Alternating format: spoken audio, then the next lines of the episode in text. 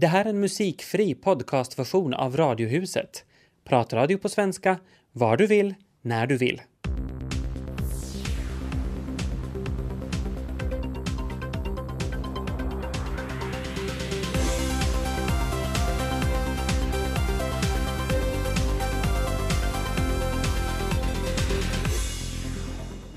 Och här är Radiohuset som sänder ifrån Åbo idag. Vad är bildning och blir vi bildade i skolan? Det ska vi fundera på med vår gäst idag. Och också danskarna kan vara lite konservativa mellan varven och bli upprörda över gammaldags tv-humor. Radiohuset med Tobias Larsson och Ami Lassila.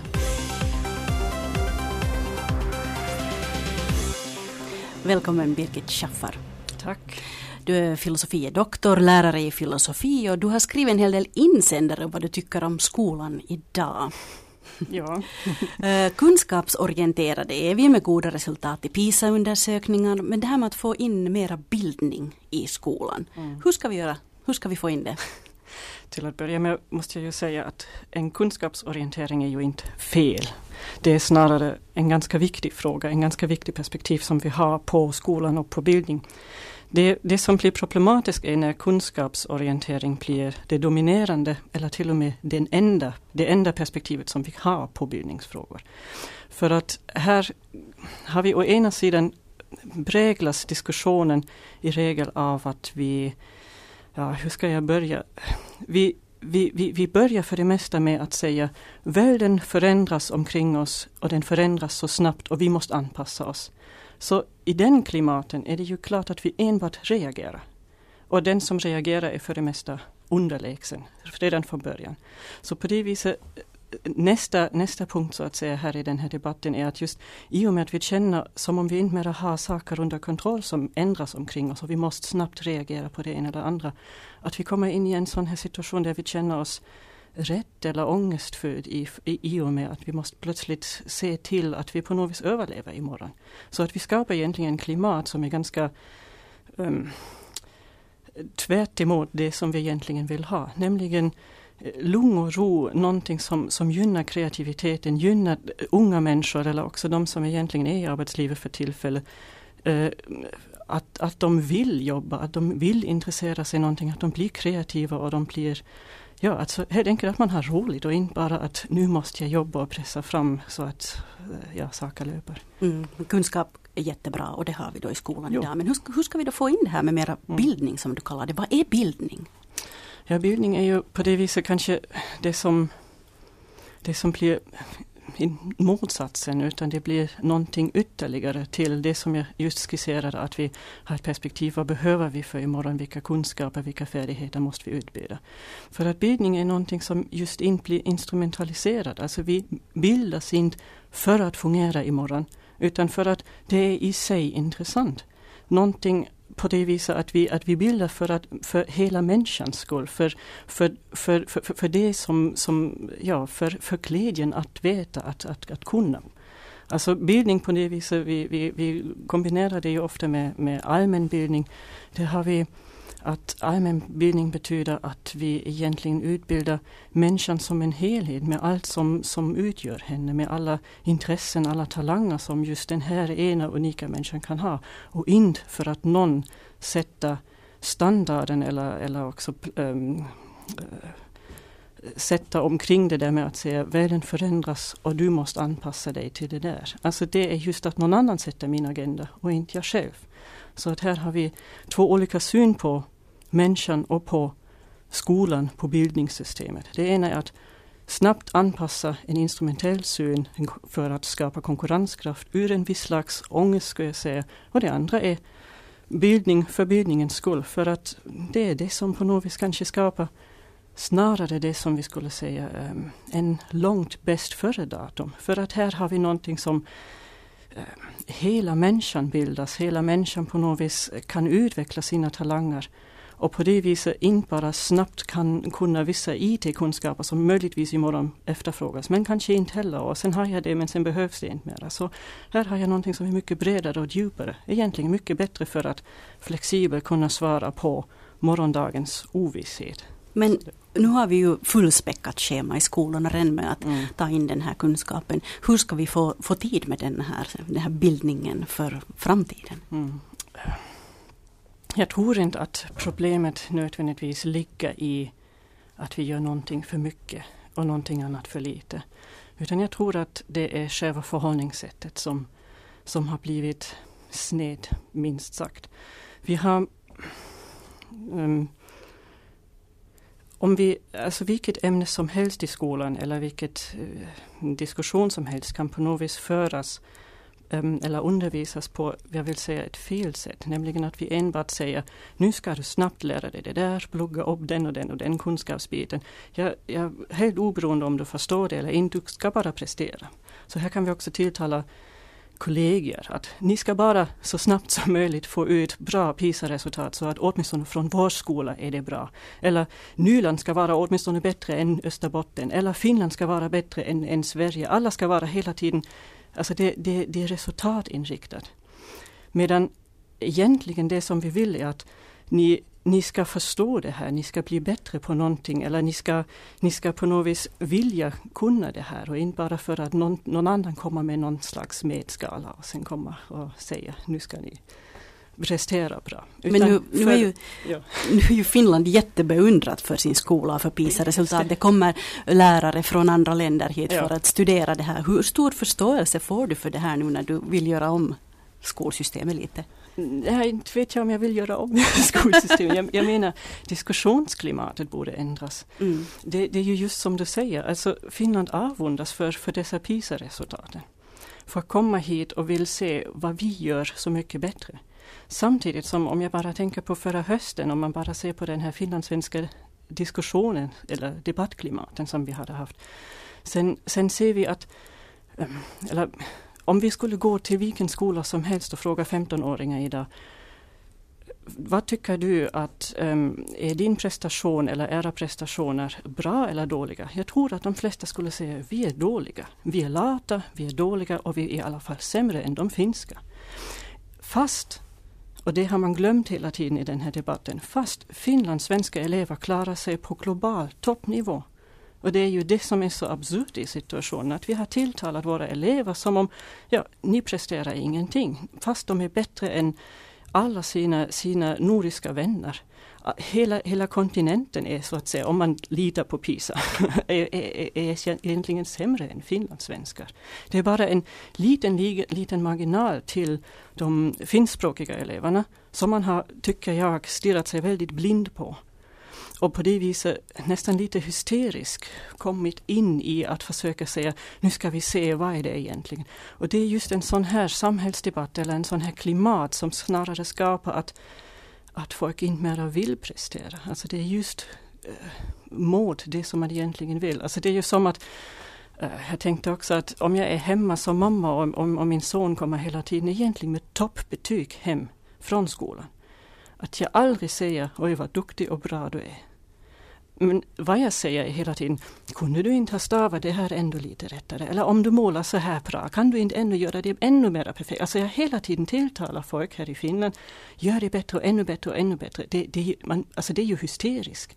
På det viset, det, det, det, det dumma är att min son, om jag skulle tilltala honom så här, skulle inte bli prester, alltså presterande bättre, utan han skulle bli självdestruktiv. Och det är det som är det är det som egentligen är någonting som är väldigt farligt här. Om vi ser på samhällsklimatet. Vi har ju just jättebra prestationer men samtidigt mår eleverna inte bra. Finland toppar ju också statistiken på självmord. Det måste man komma ihåg och alla står som ett frågetecken över, över huvudet framför det här Alltså, hur går det här ihop? Det är helt klart, vi tilltalar folk som om de inte är bra. De tror så småningom att de är dåliga fast de är jättebra. Vad ska vi göra åt det här nu då? Det är en väldigt dyster bild i själva verket som du målar upp här. Jag tror att vi måste krypa tag i det här och vända så att säga den här Ehm, sättet hur vi tilltalar varandra. Vi har massvis med olika aktörer som är på gång i, i bildningspolitik. Vi har politiker, vi har tjänstemän, vi har rektorer, universitet, lärarutbildare, föräldrar, eleverna själv. Om vi hela tiden tilltalar varandra som att vem är den skyldige, vem har ansvar här? Sen kommer det just som att gå på dåvis, alltså dåligt. För att det, det är inte att söka någonting skyldigt utan snarare att um, vi, vi måste till, Eh, skapa mera tillit till varandra. Alltså på något vis komma in i en dialog och säga hej, vi alla är bra, vi vill ju egentligen bara att det ska gå bra också i framtiden och inte bara ur ett sånt här ekonomiskt syn utan egentligen vill jag att mitt barn mår bra och att mitt barn mår bra i skolan och på det viset jag vill ha lyckliga lärare också där. Alltså jag vill inte hela tiden bara säga ni är dumma eller säga, ni i Vasa är dumma för att ni är inte utbildar bra och allt det där. Alltså om vi har en sån här klimat där vi bara hela tiden pekar på varandra sen då är det eh, sen vill jag underskriva att jag målar bara en pessimistisk bild. Ja. Mm. Där fick vi någonting att tänka på. Tack Birgit Schaffer. Tack. Igår så pratade vi om hur andra nordiska tidningar skrev om det finländska presidentvalet. Kommer du ihåg det? Visst minns jag det. Det var inte så där jättemycket precis. Nej, inte skrev de jättemycket, men de, de eh, cementerade fast eh, Finlandsbilden skulle man ju kunna säga och slog fast att Finland var ett väldigt konservativt och traditionellt land. Mm. Det skrev de i, på Island, det skrev de i Norge och det skrev de framförallt i Danmark. Mm -hmm. uh, vi är inte de enda kan jag ju säga. Jag har kollat runt lite och sett vad som skapat rubriker i Norden nu. Och en sak som skapat rubriker i såväl Danmark som Norge är um, en tittarstorm som har inträffat i Danmark. Uh, I lördags så var det stor satsning på DR1 när man visade en sån här tv-gala där man samlade in pengar till förmån för barn i världen. Världens barn brukar den heta i Sverige mm -hmm. åtminstone. Och där var det då en sketch där helt plötsligt så kommer fyra män in. Jag vet inte bakgrunden, jag vet inte vad, vad, vad poängen var, men fyra män kommer in och de är utklädda till i tur och ordning en penis, ett rumphål och två testiklar. Nej men, vad har de här att göra i en tv gala till förmån för barn för, på flykt. Det här förstår jag nog inte alls. Eh, det kan man ju fråga sig, men du vet att finsk tv brukar också hitta på en massa konstiga sketcher och, och göra en massa egendomligheter och det, det är inte nödvändigtvis jätteroligt. Men Tittarna i Danmark blev fullständigt rasande och menar att det här är jätteolämpligt i ett program som familjer sitter och tittar på tillsammans med sina barn. Opassande språk, säga rumpa i tv, så här låg nivå. Um, nu har det gått så högt så att till och med tv-chefen har fått gå ut och be lite om ursäkt. Um, jag tycker fast... faktiskt det är lite rätt. Jag tycker de här var sällsynt malplacerade. Ja, fast humor och humor. Ibland funkar det, ibland funkar det inte. Så tv-chefen säger att det passar visst att ha sådana här skämt på Danmarks Radio. Det har sänts betydligt värre saker genom åren. Det här är inte så farligt. Däremot säger han var sketchen trist och för lång. Och det tycker chefen är oförlåtligt. Anna Törnros, välkommen. Tack ska du ha. Anna, du forskar i hur människan påverkar havet och de som bor i havet. Och jag tänkte på det här att vi får ju ständigt sådana här larmrapporter om hur dåligt Östersjön mår. Senast nu för några veckor sedan om fosforutsläppen från ryska Kingisepp. Och Östersjön är dessutom ett av världens mest förorenade hav. Hur deppigt är det att forska i det här? Jag skulle inte alls säga att det är så speciellt deppigt. Jag tycker det är tvärtom väldigt motiverande. Um, att hitta sätt att uh, värna om vårt hav och ta fram det som är problem med vårt hav. Uh, för vi kan ju inte blunda för det hela tiden heller utan det är väldigt viktigt att vi, vi tar upp ögonen och uh, ser hur deppigt det är och så blir vi positiva när vi hittar det där sättet att, att förändra saker och ting. Det tycker jag är motiverande och, och spännande. Vad betyder havet för dig? Um, för mig har det betytt väldigt mycket. Jag, jag kommer alltså från, från Österbotten och Vasa och där är man ju väldigt nära havet. Um, och vi, jag har liksom lekt i havet, jag har simmat i havet, man har studerat havet på olika sätt, kuster och um, i studierna och så. Så det har alltid funnits väldigt, väldigt nära mig. Och, så på det sättet. Och varför valde du sen att börja forska kring det dessutom? ja, man kan ju tycka att man har fått tillräckligt och att man får tillräckligt av det på fritiden och sådär. Men, men det där, um, jag tycker att eh, det som intresserar mig är just det där att hur, hur ska vi ta tag i de här sakerna som är problem. Vi ser det alla när vi är på fritiden, på sommarstugor, vi är ute i skärgården på sommaren. Um, vi får larmrapporter precis som du sa hela tiden. Um, det som, som eh, jag har valt att göra som så är just en forskning kring hur våra ekosystem fungerar. Och hur fungerar det när det inte fungerar? Vad är problemen där? Vad, vad är det för effekter vi ser? Hur ska vi um, analysera det här och hur ska vi förstå det så att vi kan göra någonting åt, uh, mm. så att det blir bättre? Du säger det här med att, att vi ska ta tag i det. Ja, det tycker jag. Ja, men hur då? no, till exempel, um, jag menar, om när jag är inte i min forskarroll utan hemma på sommarstugan så måste man ju fundera vad kan eh, vi göra för vår vik? Eh, det som har kommit på senare år är att titta på hur avloppsvattnen till exempel ser ut. Eh, det är ju inte bara så att det är de här andra stora länderna som förorenar vårt hav. Visst, det är en stor roll, men din vik vid sommarstugan eller din lilla kuststräcka, så den är nog du själv som, som påverkar mest. Ett sätt är som sagt att, att titta över hur, vad är det jag själv släpper ut till, till min vik, till min, mitt ställe. Um, vad, vad det där an, eh, hur påverkar jag det på det sättet att uh, har jag muddra? Ska jag, måste jag alls gå ut och muddra mina ställen? Uh, behöver jag faktiskt komma in till min strand eller kan jag sätta båten någon annanstans? Uh, vad är alternativen? Um, ehm, och så på det här sättet um, ta, och, och, ta tag själv och, och ta, um, hitta de här lösningsmedlen. För det finns liksom lösningar till sådana här de här våra problem. Mm, men hur ska man bli motiverad till, till de här så att säga ändå små åtgärderna som man själv kan göra när, samtidigt som man vet att industrier och det, det, det, det bara rinner ut i det här havet? Jo, um, no det tycker jag för mig har varit motiverande det att det finns någon som säger åt dig att det, det kommer att synas direkt du ändrar lite på ditt eget sätt i din sommarstuga. Och om jag vet att det finns byalag, det finns eh, hemma hos oss så har vi, vi i vår vik så, så finns det någon slags det är väl, ja, de kan kalla det ett byalag eller där de sommarstugor som finns där runt om som diskuterar de här sakerna. Och om man kan gå in och, och det där, hjälpas åt där och hitta lösningar så kommer det att synas. Det, det är helt säkert. Ehm, att det där, de här stora, det att det rinner ut, där måste man också uh, tänka kanske i dessa valtider, jag vet inte, där, där kan man fundera att, att kan man välja någonting som skulle faktiskt påverka det område jag bor och så vidare. Det är ju sådana större, större liksom eh, nationella och internationella saker. Men, men jag tycker att man för att få den där intresse för det så måste du titta på vad du själv gör.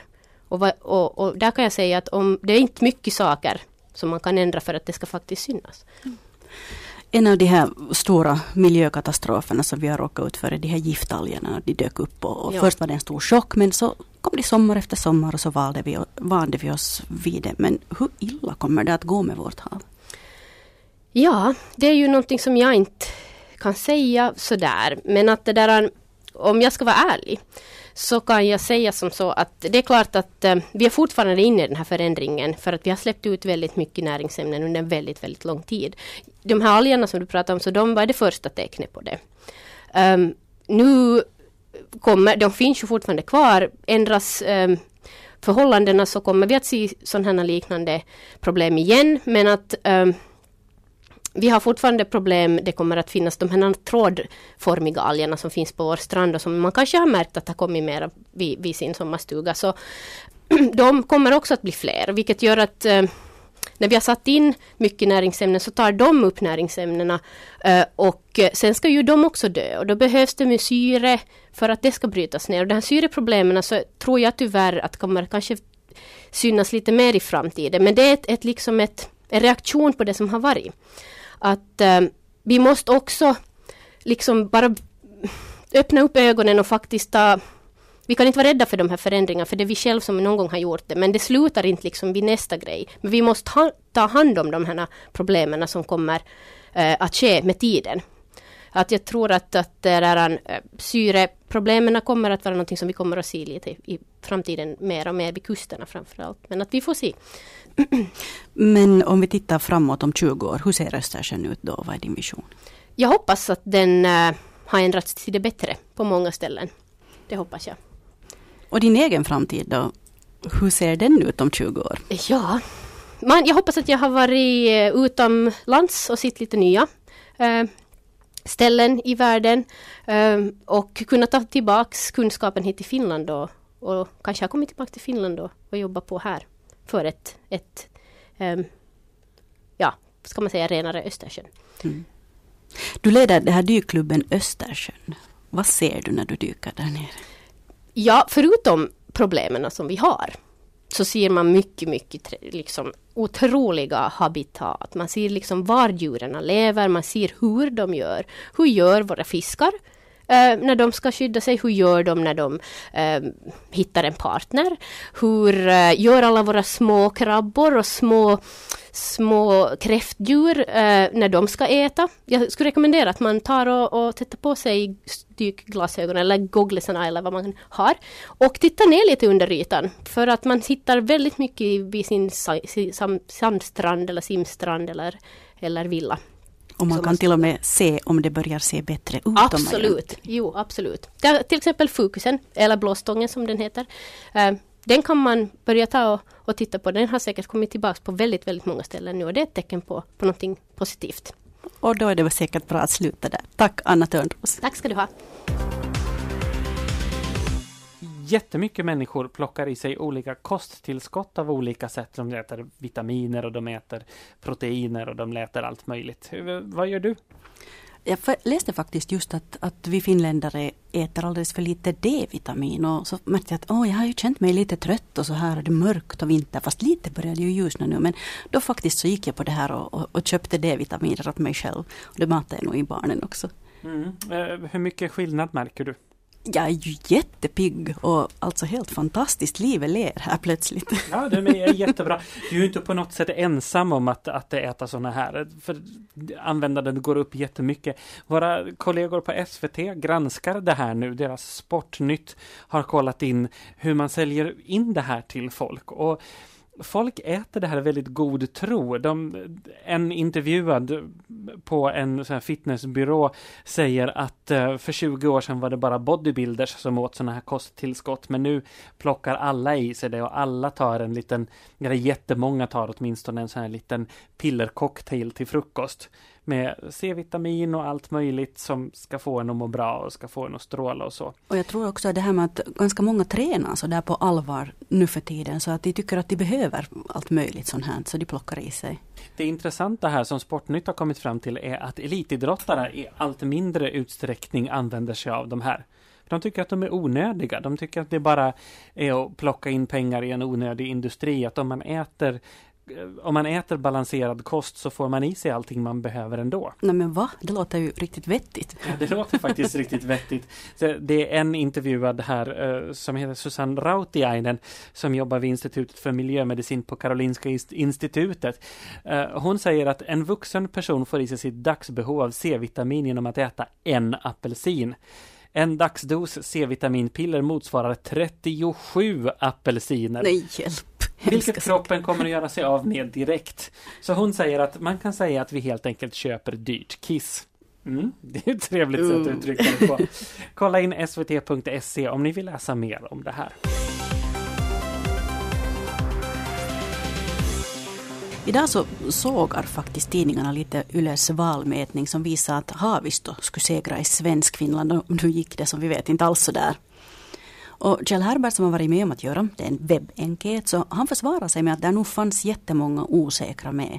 Men jag fäste mig vid en mening där och det var det här att han tycker att det är intressant, ja, eller han, han, tror att folk reagerar på den här enkäten och, och, att det fick fart på dem som ville rösta mot Haavisto. Alltså att folk ändrar sin åsikt på grund av vad de läste.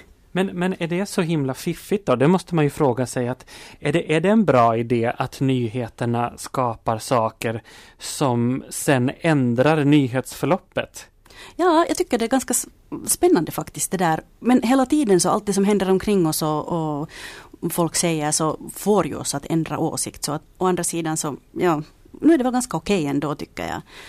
Uh, och så har jag faktiskt eh, tycker jag lagt märke till att, att till exempel de här galluparna som kom före första omgången med, där som visar att Eva Biaudet inte egentligen hade någon chans att gå vidare. Så där var det ju väldigt mycket så att folk var att mm, jag tror kanske att jag ändå inte ska rösta på henne, hon har ju ingen chans. Och så taktikröstade de istället, ganska många tror jag, till exempel på Haavisto. Mm. Och ble, det var ju då en sån här debatt om att ska man nu rösta enligt övertygelse eller, eller taktikrösta och är det nu rätt att taktikrösta eller hur, hur ska man nu bete sig? Så alltså att, det, det, är ju en jättesvår diskussion för jag menar vad, återigen det var också någon klok människa som sa att vad är en taktikröst? Mm. Jag menar om man, om man vet, om alla mätningar visar att min kandidat kommer inte att ha en chans i hela havet att, att klara sig. Men om jag istället röstar på min andra favorit som också står för någonting som jag tror på så kan den ta sig till andra omgången. Exempelvis. Är det verkligen att taktikrösta? För då röstar, ger man ju en mer realistisk möjlighet för ens värderingar att klara sig vidare. Mm, mm. Men där står man ju också på den här gallupgrunden så att säga. Mm, man beter sant. sig därför att man vet, eller åtminstone tror sig veta att det kommer att gå så här och så handlar man enligt det. Men ja, jag tycker att egentligen så kan vi ju inte komma från det här längre att, att vi inte skulle ha gallupar. Men mm, ja, jag tycker faktiskt nog det är ganska spännande och intressant de där resultaten som kom då. Att, åh, att det ser ut att gå på det här sättet. Så fick man lite fundera, att hur ska jag bete mig och, och, och så vidare. Så jag tycker nog det gav en sån extra krydda i själva verket åt det där det är hemskt bra när folk börjar fundera på hur de ska bete sig. Men jag vet att jag har läst en, eh, jag har läst en jätteintressant artikel en gång just om när tv-nyheterna introducerades i Sverige. Och hur det uppstod en ganska intressant debatt om ifall nyheterna just styrde eh, det som hände, att nyheterna med sin blotta närvaro gjorde nyheter av pseudohändelser. Som exempelvis det var, de byggde tunnelbana i Stockholm och så var det ett ras och två eller tre eh, arbetare blev instängda. Och det var ju jättelätt att täcka för tv. Eh, så man var där med alla kameror och man tog dit kändisar som skulle prata med de här eh, instängda arbetarna medan de satt fast där och så vidare och så vidare. Vilket gjorde att den här nyheten kändes som en jättenyhet. Fast det egentligen var världens pseudohändelse. Eh, det var inte ens en speciellt farlig situation, men det blev en jättenyhet. Och då uppstod den här diskussionen att ska nyheterna vara med och skapa nyheter? Men det gör det ju hela tiden. Man tänker sig alla, alla krig och allting, terrorn. Allt använder sig ju av nyheter så att jag tror att, jag tror att vi kan slå fast att Ja, visst, gallupar och allt det här. Men kom ihåg, man måste bara komma ihåg det där med att det styr oss och att vi är medvetna om det. Det tycker jag är viktigt. Ja, så Finland, sa han. Ni har ju högsta kreditvärdigheten ännu, men något annat vet jag inte om Finland. Han var en businessman i 45-årsåldern, hemma från Frankrike men sen 15 år tillbaka bosatt i Singapore och satt bredvid oss på ett flygplan. Någonstans högt över Javasjön frågade han varifrån vi kom och blottade på samma gång sin okunskap om det lilla landet i norr. Men Nokia ja, det är ju från Finland, sa han efter en stund och sneglade på iPhonen jag satt och spelade på. Men eh, det är väl ett bolag som har framtiden bakom sig, tillade han lite skadeglatt. Mäkta stött av piken svarade jag, och hur är det med franska statens kreditvärdighet idag då? Finland, och fy sjutton. De där måsarna i Helsingfors, de var så förbaskat äckliga, utbrast hon med uppspärrade ögon. Stora, fräcka och farliga och det tog till och med en glass ur min hand och det är det enda jag minns av Helsingfors och Finland. Hon var i 25-årsåldern, hemma från Bali, men hade rest en hel del och bland annat jobbat på det olycksaliga italienska kryssningsfartyg som nyligen kapsejsat utanför Toscanas kust. Hennes pojkvän var dansk och på ett besök i Danmark hade de gjort en avstickare till ett somrigt Finland och Helsingfors men det enda hon kom ihåg av vårt land var de skrämmande otrevliga måsarna. Det var ju synd om några vita kråkor förstörde din resa, kontrade jag syrligt. Finland ja, ni har ju det där stora främlingsfientliga partiet True Finns. Dem har tidningarna hemma i Australien skrivit mycket om. Och Mika Häkkinen, han var väl finländare? Orden yttrades av en australiensisk surfare i 20-årsåldern som en kväll i middagsbordet bredvid avslöjade att förutom det här visste han nog inget om Finland. Nej, Nokia, det är väl japanskt, svarade han sen på en direkt fråga. Nej, ser du, det är det verkligen inte, svarade jag, inte så lite irriterad och högg tag i en grillad tigerreka. Angry Birds, de kommer från Finland, sade jag glatt åt flickan bakom disken i leksaksbutiken i Singapore där hyllorna bågnade under de nu världsberömda fåglarna i olika storlekar. Jaha, svarade hon, det vet jag nog inte vad det är. Det är ett land, sa jag, i norra Europa. No, I don't know that, löd svaret bakom disken. Då tyckte jag det var dags att ge upp. Särskilt som pojkspolingen i hotellets reception kvällen innan då vi checkat in glatt utbrast att Finland, ja därifrån kommer ju Michael Schumacher. Nej, ser du fan det gör han inte, fräste jag och beslöt att den där gossen får inte en skärv i dricks av mig. Vi finländare lär ju vara ovanligt intresserade av vad andra tycker och tror om oss och har också lätt att ta på näsan då vi möter någon som inte kan räkna upp våra största sjöar, längsta älvar, stora slag och framgångsrika idrottsmän. Men då semestern var slut och superjumbon på 12 kilometers höjd klöv nattluften var det dags att sammanfatta intrycken och tankarna. Då erkände jag och tittade mig själv i spegeln. För vad vet jag egentligen om dessa människors länder? Vet jag vilka idrottsmän som kommer från Australien? Vilka företag som är från Singapore? Eller överhuvudtaget någonting om Indonesien? Som med sina 240 miljoner invånare är världens fjärde största land. Även om jag till och med besökt dessa länder, vad vet jag nu sen egentligen? Så hur var det nu det där med att kasta första stenen i glashus och så vidare? Jag heter Kai Backman.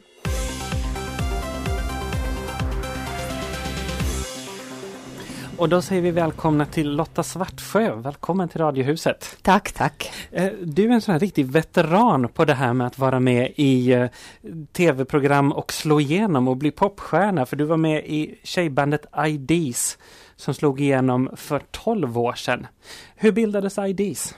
Vi var fyra tjejer som dansade ihop. Eller tre av oss dansade ihop så tänkte att vi behöver en fjärde för att gå med i Tietähten som var då Dannys, eller Danny producerade den här showen och så bad han egentligen då Elina från första början att delta i den här tävlingen. Och så tyckte hon att nej, jag vill inte göra det ensam, jag vill göra det med mina goda vänner. Och så var vi och gjorde Unvogues Free Your Mind på en direktsänd tv-show. Och det gick vägen. Och ni slog igenom, vilken typ av program var det här? Tietähtin? No, det är ju så länge sedan, huska. Uh, det var nog mera som en show, tänkte vi i alla fall om det. Det var klart att det var en tävling och man kunde kanske vinna båtbiljetter eller någonting.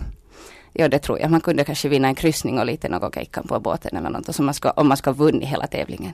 Vi gjorde inte det, vi klarade oss helt bra och vi väckte kanske lite uppmärksamhet. Och så fick vi lite, vi, Sony visade intresse för oss sen efter det. Alltså Sony Music. Så ni fick skivkontrakt. Hur, hur gick det till? Ringde de bara upp och sa att hej, vill ni spela in skivor? Jag tror att det var, eller det var nog så att det var Danny som, som tyckte att vi var så bra och vi var ganska tuffa, vi var ganska unga, vi var ganska snygga. Och dessutom så sjöng vi jättebra liksom ihop. Det var kanske något som inte fanns heller, att vi var fyra tjejer som faktiskt sjöng i stämmor och live och det var liksom wow, det här funkar på riktigt. Och det här, så Danny tog i det förde oss till Sony Music och han är ju ändå sån här stor artist i Finland så han hade ju lite fotfäste här och där. Och så stod han hårt på sin sak och sa att det här är tjejer som ni absolut ska ta fasta på här. Och så, så, så blev de intresserade där också. Men hur stort genomslag fick ni av att vara med och sjunga i tv på det här sättet? No, jag tror inte att det skulle ha hänt utan det tv-programmet. Det var en bra show att gå med i. Och, och just det här att liksom där ni visar sitt intresse och Sony Music visar sitt intresse. Vi blev liksom lite sådär ombedda att hej, kan inte ni fortsätta med det här lite till? Att ni är någonting som inte finns. Men om man jämför eh, Tietähtin med, med dagens, som man jämför med exempelvis Voice of Finland eller, eller Idols. Hur, eh, hur, hur allvarligt var det där programmet? Det var nog inte så allvarligt det var, det var inte liksom, jag tycker inte att någon hade den, den inställningen till den här tävlingen att vi ska liksom bli stjärnor. Utan det var, det var en, ett bra tillfälle att få visa upp sig lite. Och, jag, ja, men inte var det liksom, om man nu kunde kanske vinna då båtbiljetter eller något liknande, så inte det är ju alls samma sak som man strävar till när man går med, med i Idols då till exempel. Utan då vill man ju, jag tror inte att vi hade ens en sån här blekaste aning om att vi kanske kan klara oss längre än, än liksom några avsnitt i, i den här liksom tietähtiin då, att det var inte liksom, ja, bla bla bla. Mm. Mm. Men ni fick eh, skivkontrakt och ni fick spela in skivor och hur såg man på er i branschen när ni hade slagit igenom i tv? Hur, Vi, blev, hur blev ni bemötta? No, ja, ni var ju de där svartmålade flickorna som sjöng så tufft. Ja, det var ni som sjöng den här Free Your Mind. Nu kände folk igen oss. För att det var ganska, det var liksom, då så var det en ganska stark show vi gjorde. Så att nu var det sånt folk kom ihåg och liksom koppla ihop. Att jag tycker nog att vi blev helt positivt emottagna på alla sätt. Men vad är skillnaden mellan att slå igenom i ett tv-program eller att jobba sig upp den här långa vägen som artister gjorde förr? No, sen när man slår igenom genom ett tv-program om man inte står på en sån här stadig grund så sen faller man nog tillbaka på det där tomma intet också sen när man väl har liksom gått den vägen till slut. Tycker jag. Hur gick det för er? No, vi fick tillräckligt av det och tillräckligt av varandra så slutade vi. Och så fortsatte vi liksom andra vägar istället, och skilda vägar. Men när man slår igenom, innan vi går händelserna i förväg, men när ni slog igenom, hur mycket hjälp fick man på den tiden? Idag är det ju mycket styling, det är mycket sångcoacher och det är mycket sånt. Hur mycket hjälp fick ni? Nu var det mycket det. Vi var ganska hårda på, på vår sak. Vi ville inte liksom ta emot kanske så mycket som om vi skulle ha varit lite så här tillbaka sett lite smartare så skulle vi kanske ha tagit emot lite mer av den här hjälpen. Då skulle vi kanske ha gått längre. Men det var inte heller, vi kände inte liksom att det är vår grej att någon kommer in och stylar oss hur som helst. Och vi var unga och vi var lite tuffa. Att, att samma sak i Idols, klart man går allra längst och man håller sin egna stil. Att jag tror inte att vi kanske skulle ha gjort en till skiva om inte vi skulle ha stått hårt på vår egen sak då heller. Men det här var alltså år 2000, det var långt före Idols kom till Finland. Ja. När de här koncepten dök upp och det kom de här, om man vill vara lite elak, lite fabricerade popstjärnorna som kommer fram via, via Idols och alla möjliga tävlingar. Eh, vad tycker du om de programmen? Ja, det är ju intressant men samtidigt så är det ju så hemskt. Det är så många som liksom det, det, det tar ju jättehårt på ens identitet när man får kritik. Och nu, jag tycker själv att den kritiken ännu idag känns helt förskräcklig. Men, men just det som vi var med i, så det var ju inte att vi skulle bli kritiserade, utan vi blev bara tackade för att vi gjorde vårt bästa. Men det är ju inte som det går ut på i Idols alls. Det är klart man vill hitta liksom de där stjärnorna, de där ledstjärnorna på något vis som, som gör att folk vill följa med där programmet ända till slut. Men annars så, så är det ju så mycket annat, det är så jättemycket annat. De gör ju inserter på sådana som är alldeles urusla och så liksom frossar man ju i det där hemska. Hur reagerar man som ung talang? Eller om man tror åtminstone att man har den där talangen och så står man inför människor som berättar för en att det här håller inte alls måttet. Hur reagerar man? Ja säg det. Nå, å andra sidan så, så är det ju kanske helt bra att någon säger att, att skaffa dig ett helt annat yrke, att det här är inte din grej. Att det är helt bra att man kanske inte liksom går på moln eller svävar, svävar uppe bland moln. Men samtidigt kanske man, jag skulle inte vilja höra det på TV, att det här är inte din sak det är ganska få av de här nya talangerna som stannar kvar i rampljuset efter mm. Idols exempelvis. Varför är det så? Jag tror att det ligger just någonting i det att man, man vill bara bli kärna. Det är inte det att man vill göra musik för att man älskar det eller för att man tycker att man har liksom någonting nytt att ge. Utan man vill bli kärna. Jag tycker att det finns så mycket av det där Big Brother i, i de här talangtävlingarna också. Och då tror jag att man faller liksom faller platt. Hur roligt jobb är det att vara popstjärna i Finland? No, no, nu så, så här när, när jag har fått ha lite paus så är det ju alldeles underbart också. Men nu är det också jättetungt. Inte det ju att man är liksom, inte man är ju en stjärna. Man jobbar och man far och har spelningar och där sitter fyra folk liksom i publiken för att UR spelar 30 kilometer från oss. Så vet du, nu har man ju upplevt liksom både, eller sådär, upplevt också ganska sådana hårda motgångar. Men vad var det bästa med att vara med i IDs? Jag har träffat massor med, med intressanta människor som har jobbat, också sådana som har jobbat jättelänge i musikbranschen. Jag har fått jobba med Jari Sillanberg, det är också alldeles underbart. Och, och sen har jag fått många chanser efter det att liksom göra sådana saker som jag kanske alltid har känt ett stort intresse för. Men som jag inte skulle ha kommit in på utan att ha kanske blivit lite känd, någon, liksom via då sången till exempel. Till sist Lotta Svartsjö, vilket är ditt absolut bästa råd till de som nu sitter hemma, älskar att sjunga och känner att de vill gå med i en sån här eh, talangjakt i TV? Jag tror ändå att det, det viktigaste är att man bygger upp liksom någon slags identitet som sångare först, eller som musiker först. Inte ens bara sångare utan som musiker. Man funderar vad, vad, liksom, vad är det där jag har att ge? För att man måste också, fast man skulle gå långt i en talangtävling, det räcker inte att man vinner det utan man måste också ha sin egen, egen grej, sin egen syn på det där och en egen synvinkel. Så att man hämtar någonting nytt och någonting fräscht i det. Och sig själv ärligt också. Tack så mycket Lotta Svartsjö, eh, sångerska i IDs och en veteran i Talang-TV. Får jag tala om valet Pico lite till? Lite, lite till då. Jag vet, det känns som det skulle vara ganska länge sedan men, men nu faktiskt idag så läste jag okej, okay, de här förkastade valsedlarna, de var ju så ovanligt många. Men så hade Hesari faktiskt några bilder på dem och jag blev alldeles så förbluffad folk har lagt ner en massa energi på dem. Det var knep och det var knåp och det var klistermärken och, och foton. Alltså de måste ju ha smugglat in sådana här photoshoppade bilder. Det var till exempel av Paavo Väyrynen som visade mittfingret. Ja, det har han knappast gjort på riktigt. Och så har de limmat in det på valsedeln. Det var matematiska kalkyler och teckningar och allt sånt här. Men blir man inte lite trött när man tänker på, vi fick lära oss i skolan att om du sätter så mycket som ett litet kryss på din valsedel så är den ogiltig sen. Jo, alltså säkert vet ju folk om det här. Men de har, jag kände åtminstone att de måste ha en sån enorm energi där inom sig som måste få komma ut i någon sorts protest och det här är liksom då en kanal, inte sådär jätteeffektiv kanal förstås. Men ja. Ja. du kan se framför dig vet du, de där köerna som har uppstått framför de här valbåsen där de har stått då liksom och, och knepa och knåpa och rita och folk undrar att vad håller de på med? små glitterpärlor på sin valsedel. Ja, och, och här antog man ju då att det, det är då många som hade röstat på Paavo Väyrynen i första omgången och, och var jättebesvikna och inte kunde hitta en ny kandidat och så här. Men idag har ju Paavo Väyrynen då meddelat att hmm, han kommer att ställa upp som uh, kandidat för Centern om det så vill. Så att uh, nu får kanske alla de här människorna en chans att lyfta upp honom en gång till. Och dags att gå och köpa mera glitterfärg kanske.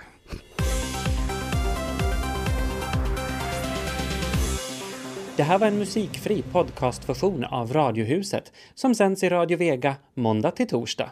Mer information om programmet hittar ni på svenska.yle.fi radiohuset.